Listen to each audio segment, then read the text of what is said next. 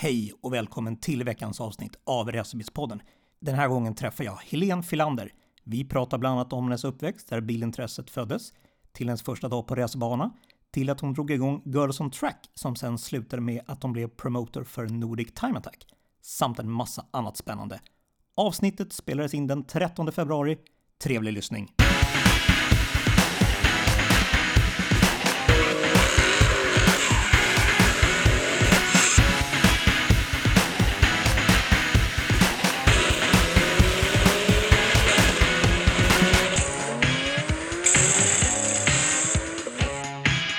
Ja, nej men vem är jag? Jag är, jag är Helene. Jag är promotor än så länge för Nordic Time Attack. Okej. Eh, mammaledig för stunden eh, med min lilla Ebba som är sju månader. Eh, ja, lite halvt eh, biltokig, glad tjej kan Ja. jag säga. Annars jobbar jag eh, heltid på Persåkers Speedshop som ligger tre minuter åt det hållet, så tvärs över Okej. gatan. Okej. Jajamän, säljer amerikanska eftermarknadsdelar och Ja. Nära till, nära till jobbet. Ja, väldigt nära. Ja. Väldigt nära. Och sen har jag precis dragit igång ett nytt eh, projekt här så att jag håller på att sälja begagnade barnkläder online på webbshop också. Okej.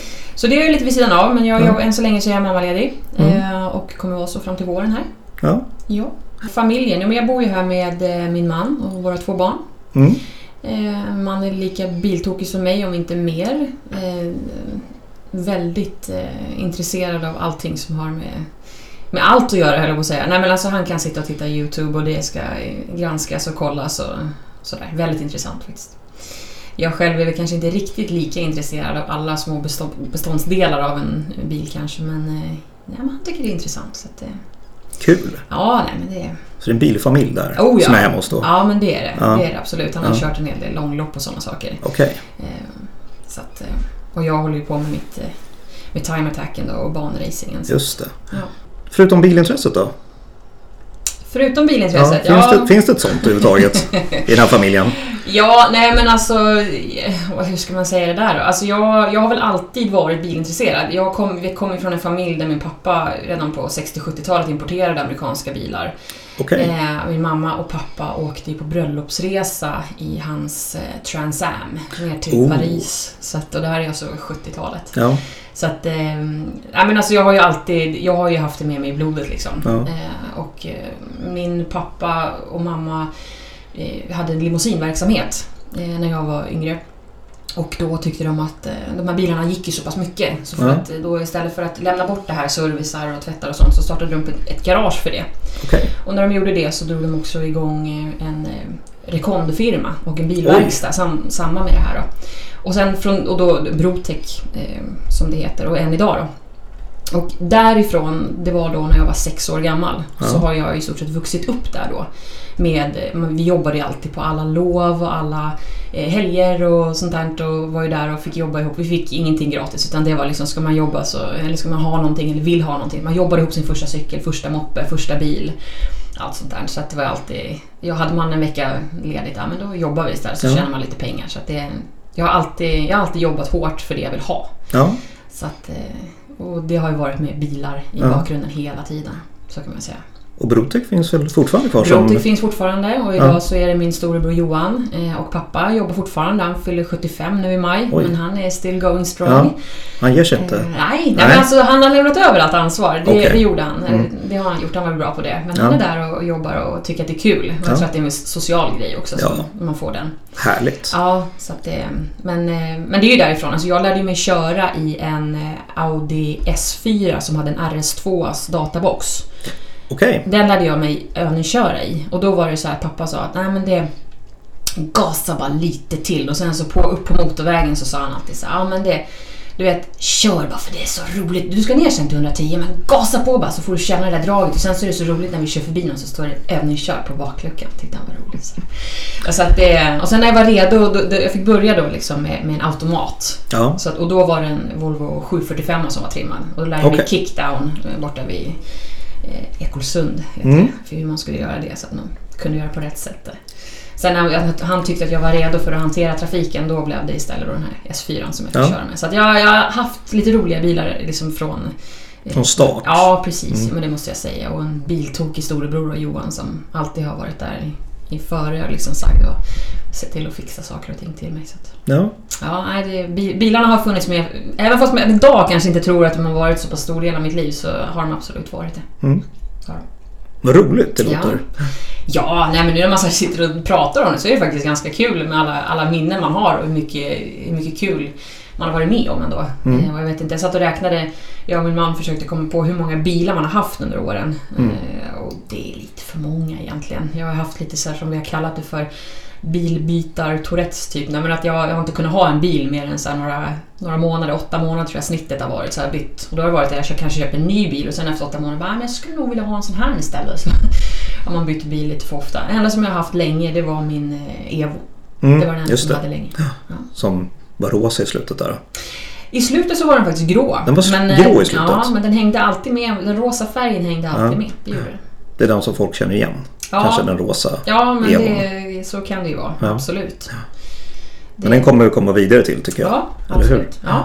Jag tänkte fråga hur hela ditt bilintresse började men det har vi nästan betat av tycker jag då i det läget. Då. Ja, jo, man ju säga. Det, får jag nog skylla på min pappa. Ja. Eh, Det man skylla på, men tack vare. Ja. Nej, men det, jag, jag är född in i det. Från att jag var sex år gammal så har jag liksom alltid... Jag hade en röd meckoverall liksom, som Mm. jag sprang runt med. Så En att, klassisk. eh, Ja, Ja. verkligen. Stod Pirelli på ryggen. Eller kanske inte gjorde i det här fallet. Kommer inte ihåg, nej det såg Nej. lotet på den gjorde jag. För Ja, jag den. specialbeställde de där. Så jag och mina Okej. två bröder hade allihop, fast de hade blåa overaller. Ja. Så finns det en bild på mig och Johan och Fredrik, då, mina bröder, som står bredvid varandra. Mm. Så att, ja. Nej, så att där, där började allting och sen Ja. eskalerade det liksom, från där. Vad är de roligaste bilar du har ägt då? Om vi börjar där. Ja men den roligaste bilen jag har ägt eh, det, det måste jag nog säga var Evon. Eh, Ja. Därför att det var den som jag mest eh, kunde utveckla och kunde få och, eh, kunde göra mycket roliga grejer med. Ja. Och det, ja, det kommer vi kanske till sen då, men det, det var väldigt mycket mer än bara bilen. Det var mycket välgörenhet och mycket sådana saker som jag brinner för. Mm. Eh, men om jag ska se till vad jag verkligen... Eh, någon, en bil som jag verkligen drömde om och som jag lyckades köpa, det var en Audi TT faktiskt. Okej. Eh, och det var nog, ja, det är nog kanske någon som kommer ihåg den, en svart Audi TT som, med vinge och sådär. Som jag, det var min drömbil då. Det här Mm. är alltså 2003-2004. Ja. Då lyckades jag köpa en... eh, Och det, det, det var en sån där som bara, det här måste jag ha. Det var en 1,8 T. Inte ens quattro utan det var framhjulsdriven. Mm. Men på den tiden ska man komma ihåg att det här var alltså en, det var en 00 en import. Och på den tiden var ju de bilarna liksom dyra, de var nya. Mm. Idag kan du köpa en Audi TT för vadå, 10 000? Alltså de är ju liksom, det är inte i närheten Nej. om man tänker på just den här modellen. Ja, precis. Men jag gav nog 170 000 för mig på den tiden. Så Mm. det, det, Då var det mycket. då var det mycket. Mm, Alltså Då var det det- mycket. Och just för den bilen var det väldigt Ja. alltså så. Men, men det, var, det var min absoluta drömbil. Ja.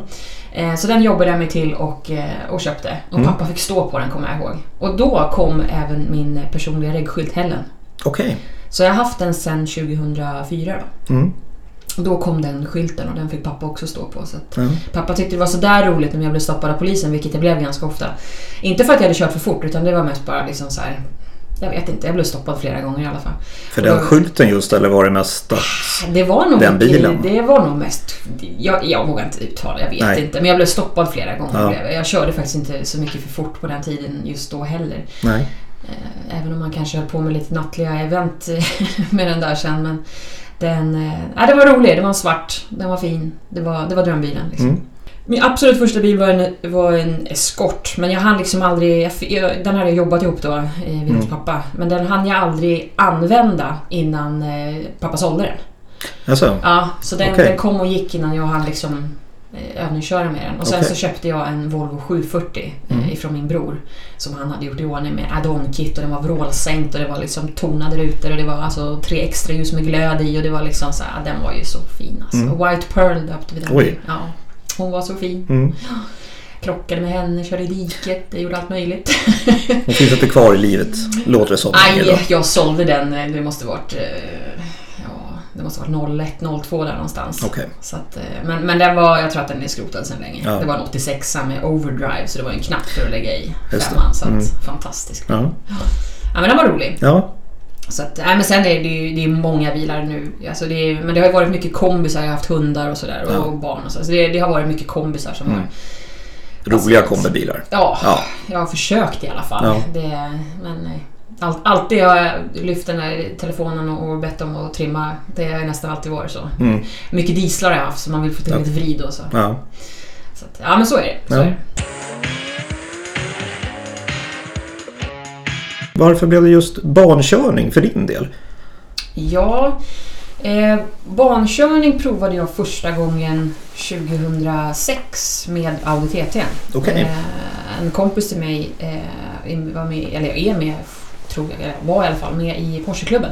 Okej. Och han skulle åka ner till Gotland Ring eh, och köra. Och då sa han så här att, men ska inte du följa med? Eh, det vore väl roligt? Jag tänkte, jag har aldrig kört bana hela mitt liv. Jo, men det kan ju vara någonting. Mm. Så att jag åkte med till Gotland Ring, alltså, ja, men 2006. Ja. Eh, och, eh, och fick prova på och tyckte det, men det här var ju svinkul liksom. Ja. Eh, och sen under... Det blev dock inte så mycket mer för TT var väl kanske inte optimerad just för att köra bana med. Inte just den i alla fall. Nej. Utan det var mer, jag hade liksom kromfälgar och den var liksom lite mer utseende sådär. Så den var ju inte riktigt gjord för att köra bana med. Mer show and go. Ja, Ja. men det var det nog. Jag körde ju som sagt eh, kanske något... Jo, men jag körde faktiskt på det här med Black Race. Ja, just det. kommer ihåg det? Just det. Med- Så det gjorde jag en del. Mm. Så rasade jag kopplingen på den och lite sånt där. Alltså, okej. men, nej, men det, så det var väl det jag liksom, eh, kanske gjorde med den då. Inte Mm. så mycket bana. Men, eh, så det var första gången. Okej. Jag tyckte det var jättekul. Mm. Eh, men sen tappade jag väl lite eh, stinget där ett tag. Privata grejer som gjorde att det, det blev inte... Jag sålde den bilen och ja, det blev inte så mycket så. Nej. Sen eh, 2000... ja, kan det, ha varit, det måste ha varit 11. T- eh, Så träffade jag då min, min eh, dåvarande sambo eh, och han eh, är eh, då, har ju ett företag som JRM Racing, Mm. Joakim. Just det. Eh, Och tack vare honom då så kom jag in på eh, Evo. Mm. In, kanske inte helt långsökt. Ehm, och så kommer jag så väl ihåg att han sa så här till mig att du sa, ah, men man ska ha en Evo, vad ska jag ha för Evo då? då? Liksom, för jag kunde ingenting om Evo. Nej. Och nu pratar man liksom med, med någon som kunde det mesta om Evo. Och då Ja. sa han det, ja men... Och då sa jag så okej men ska man ha, vadå, nummer fyra, fem? och då tittade han bara på mig och sa, nej det ska du inte ha. Eh, utan du som liksom nybörjare på det här, du, du ska ju ha liksom något annat. Så ja okej, ja, så pratade vi om sexa, ja nej det... Sjua, nej ska du ha sjua då kan jag lika gärna ha åttan. Så började vi liksom prata så här. och sen till slut så var det så nej men du, du ska nog ha tian för det är den som är liksom modernast, den har bäst liksom förutsättningar för det som du vill ha den till. För jag är Ja. fortfarande att jag skulle ha den som bruksbil då. Okej. Eh, så då var det så okej, ja men då, då provar vi det. Och sen så kom det fram en, en, ett fint exemplar eh, som var en USA-import eh, men hade bara en ägare. Den kom till Sverige och hade bara rullat, jag tror att det var så här sju mil eller någonting. Och, eh, men den var jättefin vit. Eh, en GSR, alltså en eh, manuell. Och, eh, och det var en bekant till Jocke som hade den här. Okej. Och den stod i ett garage mestadels på, han inte körde med den. Mm. Så då, vi åkte dit en dag och provade den där bilen och jag tyckte den var helt fantastisk. Ja. Och eh, då blev det bara att wow, ja men det här, jo men det, det ska jag ju ha. Så Mm. då köpte jag den och eh, då...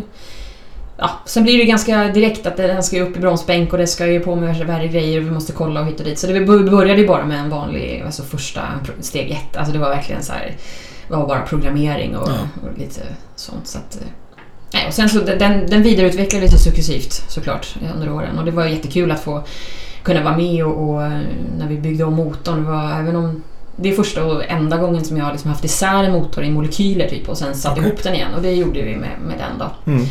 Eh, så att den... Eh, det, det, det var liksom... Det var, det var den det blev. Då hittade jag tillbaka till intresset att ja, men, köra bilen lite mer aktivt. För den här var, den bjöd ju in till att köra på ett Ja. helt annat sätt. Ja. Eh, det blev dyra mil att pendla med. Ja. Jag satt och pendlade med den i, i ett år eller sånt där. Eh, och sen så insåg jag att nej men det här går inte, jag kan inte det kommer inte vara ekonomiskt försvarbart. Nej. Eh, och då i samma veva så kommer Jocke och säger att ja men hörru du, eh, eh, jag ska vara med och tävla i något som kallas för time attack. Mm. Eh, och så, jaha, okej. Ja men det är med då Super-Evon då, den här gula. Just det. Klassisk. Jajamän. Evo. Ja. Ni som känner till den. Ja, och då så sa han så här att men det finns en, det finns en klass för dig. Jaha, så en klass för mig. Jag hade ingen aning om vad det var. Så att eh, våren där 2012 så eh, åkte vi till Kinnekulle och vi var väl ett glatt gäng på, eh, jag kommer inte ihåg om vi, de som var där, vi, vi var några stycken, kan vi ha varit en 10-20 stycken? Jag vet inte om det ens var det. Ehm, och eh, ja, fick köra, prova på Time Attack och det var ju svinkul. Mm. Alltså det var ju riktigt, riktigt roligt. Ehm, Och därifrån så eskalerade precis allt, Ja. om man säger så. Så att, ehm, Så där började din resa in i ja, Time Attack. där började resan in Ja. i Time Attack. Och sen utvecklades den ganska eh, snabbt då. Ja. Ehm, jag vet inte vilken, vilken väg vi ska gå men eh, hur jag blev promotor kan vi ta då. Ja. Ehm, jag tävlade ju då 12, 13, 14, 15. Mm. Eh, och Time Attack då som, ja, behöver inte gå in på någon, någon större grej men det, det finns ju idag två serier, två aktiva serier. Just det. Och eh, från början så var det bara en Mm. eh, och den hette timeattack.nu. Okej. Eh, och de två som eh, två ja, aktiva, de som, de som drev det här då eh, valde väl exakt hur det här, det lägger inte jag mig i och har ingenting med att göra men de delade på sig Okej. eh, och det gjorde de, de körde ihop 12 och 13 eh, och sen så delade de på sig då inför 14 Okej. och eh, varav ena då, NTA, Nordic Time Attack, valde att köra vidare med SBF Mm. och den andra körde vidare med SMA på andra. Okej. Så vi, vi delade på oss där. Mm. Eh, och eh, även många eh, förare, det, det var ju mycket så här, vilken serie, vad ska vi välja fram och tillbaka. Eh, men vi var ett gäng i alla fall som, som hamnade och bestämde oss för att nej, men vi, vi kör vidare med, med Ralf Boman och, och eh, Jens Jarlengrip och, och Kai, var det, Kai Nilsson som, eh, som körde NTA. Då. Och så, Okej. ja, men vi, vi kör vidare med dem då. Mm. Eh, och då gjorde vi det, eh, 14. Och det var väl lite halvskralt sådär. Jag. Det var inte jättemånga förare men vi, vi, vi kämpade på. Det var ju skitkul alltså Ja. fortfarande. Sporten var ju fortfarande riktigt... Är ju, den är ju skitrolig idag Ja. fortfarande. Men, eh, så inför 15 eh, så sa de det att det här blir svårt. Alltså vi, det är svårt att få ihop det här. Eh, vi kommer nog få lägga ner. Okej. Eh, varpå vi var då några stycken som bara, "Nej, men vad fasen, vad, vi, vi måste ju kunna hitta på någonting. Eh, och då kom det fram då, ja, men vi, vi tar bort några banor. Och sen så kör vi allting komprimerat på två helger. Så vi kör fyra tävlingar på två helger. På Kinnekulle och på Gelleråsen. Och eh, då sa de, okej men, ja, men då kör vi på det liksom. Så att vi var ett, ett tappert gäng där som, jag kommer inte ihåg hur många vi var, men vi, vi körde på och sen så då kunde vi i alla fall eh, genomföra eh, säsongen där, eh, 15 då. Och sen så redan i början på säsongen så kom Ralf. Han började få, eh, ha en dialog med mig och så sa han att du, eh, det, är inte du intresserad av att ta över det här? Okej. Och vid det här laget så hade jag ju då min förening som jag hade med Girls on Track. Just det. Som vi får, kanske kan komma till sen. Ja, absolut. Eh, men, eh, och på den vägen så var det. Mm. Så han eh, jobbade väl mig lite aktivt där under, under säsongen, eller den, sommaren där. Och liksom, Ja. ja. men vill du inte, vi, vi ser bara att det, det, det är du som skulle kunna klara av det här. Mm. Och det vore så tråkigt om inte jag skulle försvinna. Och då så tänkte jag, nej vad fasen, nu är det 15 här. Jag har kört nu i fyra, ja men vad fasen. Så jag tog ett aktivt beslut att jag sålde bilen eh, och eh, började arrangera istället. Okej. Och det är just för att jag tycker att det är så otroligt roligt att arrangera, göra någonting för någon annan. Mm. Så att, eh, och det är vad jag då har sysslat med nu i fyra år. Mm. Som det är. Så Med att- all rätt tycker jag. Ja, Ja. ja. Nej, men det, det är svinroligt. Ja. Det är jättekul. Det är tufft, det är det. Det är mycket tid. Ja. Som de säger, det är tårar och svett och... men mycket glädje. Ja. Det ger väldigt mycket glädje. Är det. Och det är ju det som gör att man håller på med det. Ja. Så att, eh, Vad kul. ja. Men att, han, att Ralf såg det där. Tycker Ja. jag var jättekul. För du kanske inte hade tagit det beslutet själv om inte han hade frågat. Nej, På det sättet, det att- hade jag nog inte. Nej. Det är som jag brukar säga, att hade jag vetat exakt vad du sa ville att mig komma in på så hade jag nog aldrig tagit det. Nej. Eh, med viss skämt då, så sagt. Ja. Men eh, nej, det, det, men han hade ju då sett det här med, med Girls on Track och Ja. vad jag höll på med. Och han tyckte väl att det var liksom, nej men det finns nog någonting där hos Mm. henne. Eh, så att, eh, nej men det var jättekul verkligen. Så att, det, det är ju tack vare dem. Jag fick frågan som jag blev promotor helt Mm. enkelt. Så är det, absolut. Och det har du varit fram till förra året då, eller? Ja, alltså vi, jag körde ju 16, 17, 18, eh, 19 Mm. och sen så 20 tog vi ett aktivt val att vi... Det, vi det var ju så ovisst. Vi Ja. visste ju ingenting på grund av den här eh, covid. Så Mm. att, eh, vi, eh, jag valde ganska tidigt på säsongen, redan i april. För det var ju liksom då allting drog igång. Ja. Och jag följde, jag kommer ihåg jag höll på när jag jobbade samtidigt, så, så, så följde jag det väldigt aktivt och liksom varje presskonferens och vad som händer och vad som kommer och vad som... Och jag tycker att det var, alltså det var väldigt tungt de veckorna innan beslutet togs. Ehm, För att det, det var liksom sömnlösa nätter och liksom så här, men vad alla, alla företag och förare och alla liksom som förväntar sig så mycket utav Fast alla vet ju att det är, liksom, det är som det är, alla Ja. sitter i samma båt. Precis. Ehm, och vi har fått frågan många gånger i efterhand också, liksom att varför, eh, varför, varför körde ni inte eftersom andra kunde köra? Mm. Eh, vi hade kunnat köra, men vi hade kunnat köra, vi hade fått starta senare. Okej. Allting i och med att vi kör ju i Svenska Bilsportförbundet Mm. så, och är dessutom ett riksmästerskap och ett svenskt mästerskap så betyder det att vi inte, man, får, man måste ha tillstånd, tävlingstillstånd. Ja. Och de tillstånden eh, delades inte ut och det är tack vare att läget var som det var. Ja. Så det var ju alla de här restriktionerna och antal människor och allt det här. Så att först senare delen av våren, närmare sommaren, så kunde man hitta en vettig eh, lösning för eh, de andra mästerskapen. Vi pratar V8, STCC, alla de här. Ehm, Så de hade inte heller några klartecken förrän liksom det kom sen. Så att vi hade kunnat köra men senare, men då var ju beslutet redan taget. Det var ingen idé att stressa igenom någonting. Nej. Det var bättre att bara dra ett cleant eh, Ja. streck liksom. Vi pausar det här året så Ja, får vi kliva ja. på nästa år. Ja. Och då kände jag samtidigt att, ja, dels så fick, jag ju, fick vi tillökning då i familjen och då kände jag att det var ganska, ganska skönt att ha det här året, eh, 20 då, eh, utan kanske den, eh, med allting som det innebär. Mm. Eh, Så det var nog ganska vettigt för hon kom mitt i sommaren i juli. Så det var liksom, hade kunnat bli... Ja, det, jag, jag, jag har varit gravid förut och arrangerat med, med Ludde då, men, men Mm. det här var ganska skönt att... Då, då var det precis två veckor innan så var det avslut så kom han liksom. Så då, det var, då hann vi med hela säsongen. Ja. Här skulle det komma mitt i, det skulle vara ganska, jag skulle vara tvungen att vara borta i alla fall från någon av tävlingarna. Ja, Så att det var ganska skönt eh, beslut eh, taget. där. ja, vad skönt. Ja. Ja, Man måste ta hand om sig själv också. Ja, Ja. lite så också känner jag. Och det var väl lite där tanken då började växa till att jag, jag eh, måste nog lägga mera tid på min familj. Ja. Eh, och där någonstans också så växte, väckte mitt intresse då till att eh, prata med, med Ginny då. Mm. Eh, att, eh, hur vi ska göra. Och vi, Mm. vi hade pratat redan tidigare och liksom eh, varit och berört det lite grann och sådär. Så att- men sen kontaktade hon mig och sa att du nu, nu är jag redo. Liksom. Mm. Och då föll det lite naturligt då. Så att vi, eh, då sa vi ja men då, då går vi in som eh, båda två som promotorer eh, för 21. Så att jag är med under året. För att det är, Mm. de här åren NTA, alltså det låter så fel att säga men NTA är idag... Jag gick in med den synen att jag vill arrangera någonting som andra tycker är roligt, som andra tycker är bra. Eh, och eftersom jag själv hade tävlat i fyra år så visste jag ju vad jag som förare ville ha. Så jag la ju ner min själ i NTA redan Ja. från början. Att liksom verkligen, det, det, du ska komma dit och känna dig välkommen, du ska bli sedd. Eh, oavsett om du kör den, den billigaste lilla gamla Golf 1 eller om du har den dyraste McLaren. Du är fortfarande samma person för mig. Mm. Så att det har jag liksom tagit med mig hela tiden och liksom verkligen byggt på samhörigheten. Och vi har en fantastisk stämning bland Mm. förare och vi får höra det hela tiden Ja. och det är jätteroligt. Så det, det, och, det, och Ginny är, jag har ju känt Ginny i, jag vet inte hur många år, det är 15 år eller något Ja. sånt där, som inte mer.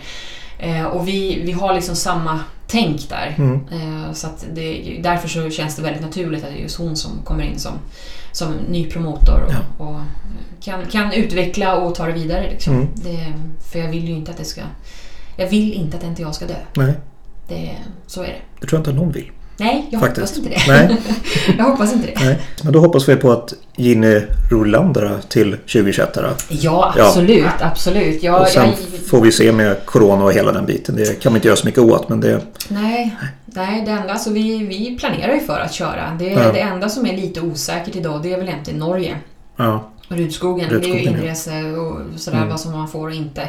De övriga banorna, det som är, det är inga konstigheter. Vi, Nej. vi kommer kunna genomföra det. Så Mm. att, eh, sen är det ju så, så förare, alltså jag fattar ju det. Det är jätte, vågar man satsa? Vågar man anmäla sig? Vågar man? Kommer det bli? Eh, ja, det kommer att bli. Vi kommer att köra så, så bara vi kan. Liksom. Det, det, så länge inte regeringen säger stopp till all form av verksamhet liksom, som Nej. det handlar om så, så kommer vi absolut att köra. Ja. Vi, så länge vi får tillstånden, vilket vi får, Mm. Ehm, om ingenting förändras där eh, så kommer vi köra. Ja. Men det kommer vara coronasäkert. Alltså. Ja. Det, det, det är så, maxantal och med allt vad det innebär med digitalt. Ja. Ja, Men, men vi, vi planerar absolut för att köra. Så sitter du där hemma och funderar, anmäl dig! ja. Ja. Gör det. Gå in på... Nordictimeattack.se Bra där. Jajamän. Dina tre bästa tips för att liksom komma igång med bankörning i det här fallet då? Vad, vad skulle du säga, vad är det? Ett, våga.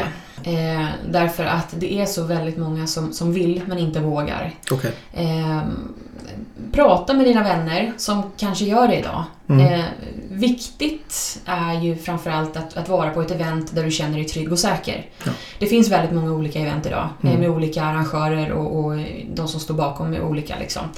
Eh, och, så, så det är ju jättebra, det är ju bara att passa på. Men se till att du är på ett event där du känner dig trygg. Där du vet att du, du får möjlighet att, möjlighet att kanske köra eh, under ett pass där det är lugnare. Eh, att du kan få möjlighet att få med dig en, en instruktör som kan ge dig tips eh, och vad du ska göra. För att som nybörjare på banan, du har egentligen ingen aning. Jag kommer så väl ihåg när jag körde där på Gotland första gången med min TT. Jag hade ingen aning. Vadå, vad ska jag gasa fort? Ska jag inte bromsa? För nu känner jag, du kommer svänga där borta liksom. Nej, fast jag behöver inte bromsa förrän jag kommer närmare. Ehm, men mycket sådana saker. Ha med dig någon som vet vad, vad de håller på med. Ja. Eh, och våga lyssna. Eh, och eh, åk med någon som är pedagogisk, någon som är duktig, någon som kan visa att du, du, du, kan, du kan köra hela vägen här. Det är Ja. inga konstigheter. Du, du, du kan ta den här kurvan i 70-80. Inga problem. Bilen klarar det och det gör du med. Men gör så här. Det här ta den kurvan på det sättet. Eh, det är också väldigt viktigt. Mm. Men så, ja, våga och vara på bra event och, och, och lyssna på bra eh, instruktörer, Ja. skulle jag säga. För att det, det... Ja, det är nog de skulle säga. ja. Mm. Bra. Eh, jag har ett segment här eh, som jag kallar för Fyra snabba. Motljud eller stereoljud? Ja, men den är enkel. Det är motorljud. Det är motljud. Ja, Ja. På gata eller på banan? På banan. Motortrimma eller dekaltrimma? Ja, motortrimma. Motortrimma. Däck eller fälg? Däck. Däck. Om du ska sälja in det här med liksom barnkörning till någon som är helt okunnig och liksom, nej men jag vill ha en, jag vill ha en hobby. Ja men bra, då ska du testa det här. Varför då? Jag har ju faktiskt fått den här frågan ganska många gånger när jag har arrangerat eh, när jag ville få in flera tjejer då i motorsporten. Eh, och det var ju verkligen så här att ja, men jag har min flickvän här, hon är egentligen helt ointresserad men eh, vad, kan, inte jag, kan inte hon följa med eller kan inte hon eh, få åka med eller något sånt där? Ja, absolut, inga konstigheter. Eh, barnkörning är ju fruktansvärt roligt. Mm. Det är någonting, alltså innan man har provat på det så vet man inte. Man tror att man kan köra fort ute på gatan och köra om någon och ta någon rödljus eller vad som helst. Det är rent av livsfarligt att köra på gatan på det sättet. Ja. Eh, Det ska man absolut inte göra. Utan Nej. du ska vara på ett område som är avspärrat, du ska ha rätt människor runt omkring dig, du ska ha rescue, du ska ha eh, du ska ha rätt möjlighet, för händer det någonting, då vill du inte stå där. Men, men eh, att testa på barnkörning, eh, det säljer sig självt eh, om man bara provar. Ja. Det gör det. Och jag, när jag körde, jag kommer ihåg när jag hade min, min första Girls on Track-träff på Tierp, när jag hyrde Ti- Tierp Arena. Och jag tror att vi var, kan ha varit 28 tjejer. Eh, och det var väldigt många nybörjare och många av dem har jag fortfarande kontakt med idag. Jätteroligt. Okej. Och några av dem är mina närmsta vänner idag. Mm. Eh, men då var det, det, det var många då som var nya, helt nya. Och de kom liksom som flickvän eller kompis och ville prova. Ja. Men varför ska jag prova? Eller han har sagt att jag ska göra. Ja. Och sen kommer de helt lyriska efter liksom. För då har de fått rätt hjälp. De har fått möjlighet att köra på, utan liksom, säkra Mm. förhållanden. Inte någon som liksom ligger och hetsar i bak. Eller liksom Nej. man känner bara, för det är många som inte vet vad, vad är det som händer här. Det, det kommer bilar runt omkring överallt och man känner sig så jagad och allt det här. Utan bara lugnt och sansat få testa på. Det kan vara, alltså jag kan ofta fortfarande idag vara förespråkare för att nej men vänta nu, nu kommer en tjej här som är eller en kille för den delen, som är nybörjare, som Ja. behöver få, få egen tid. Ja, men Mm. vet du vad? Då får den här personen 10-15 minuter. Jag, jag har råd att ge de 10-15 minuterna och det Mm. har ni andra på banan också. Och då får den personen kanske köra själv. Eh, och med en instruktör. Helt ensam på en bana och det är ju fantastiskt. Ja. Alltså. Men det har jag alltid varit förespråkare för, för man måste få känna i sin egen takt. Ja. För annars kastar du dig ut på en bana och du inte har en aning om vad du gör, då är du farlig. Ja. Både för dig själv och för andra. Så att, eh, men, men nej, det, det är så roligt för att man tror att man kan hantera en bil på gatan. Det är ingenting när du väl kan hantera en bil på banan. Nej. Då, då helt Precis. plötsligt så är det inte... Då, jaha, kunde man använda en bil på det här sättet? Jag tror att många kan relatera kanske när de kör på isen som jag själv aldrig skulle göra för jag är livrädd för is.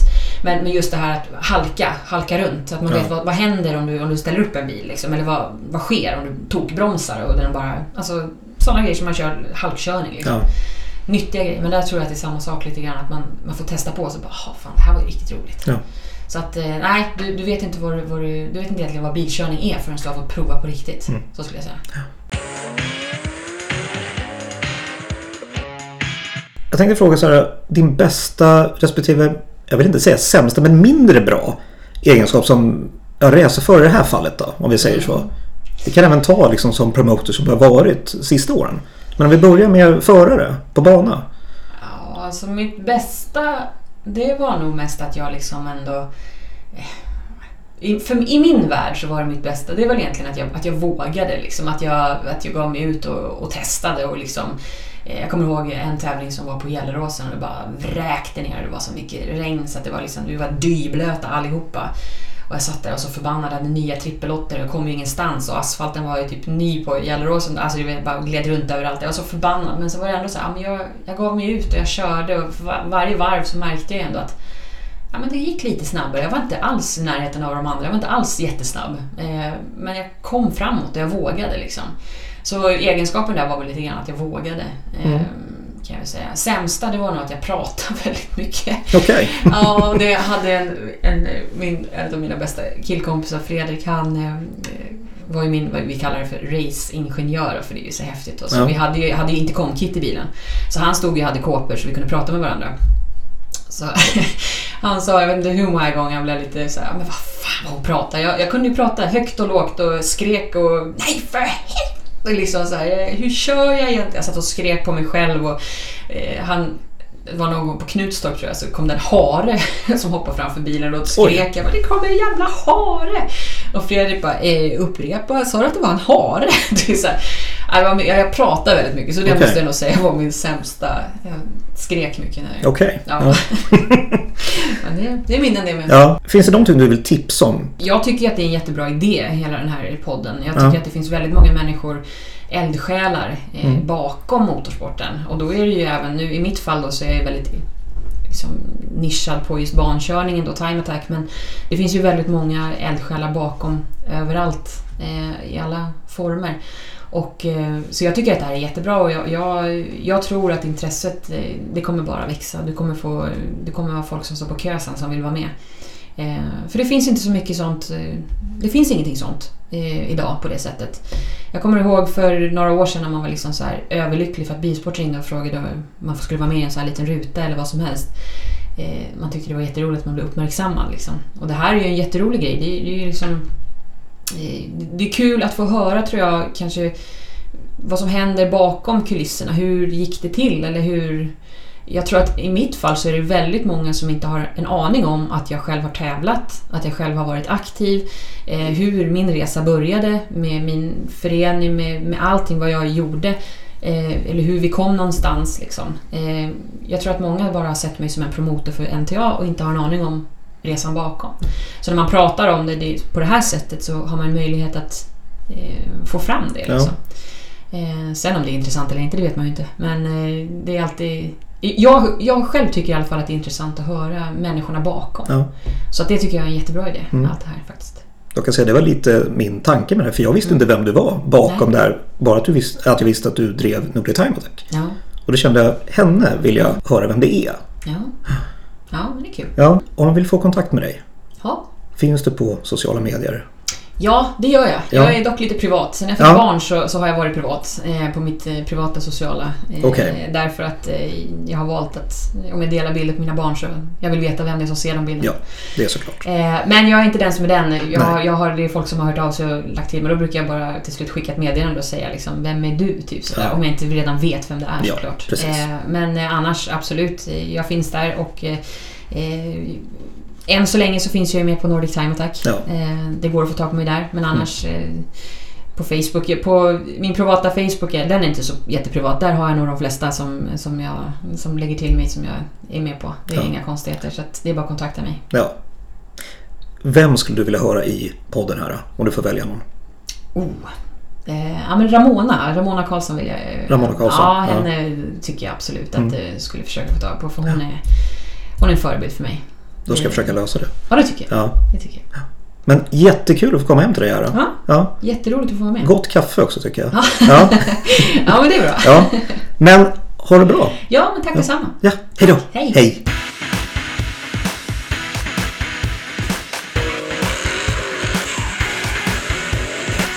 Där har ni veckans avsnitt i sin helhet.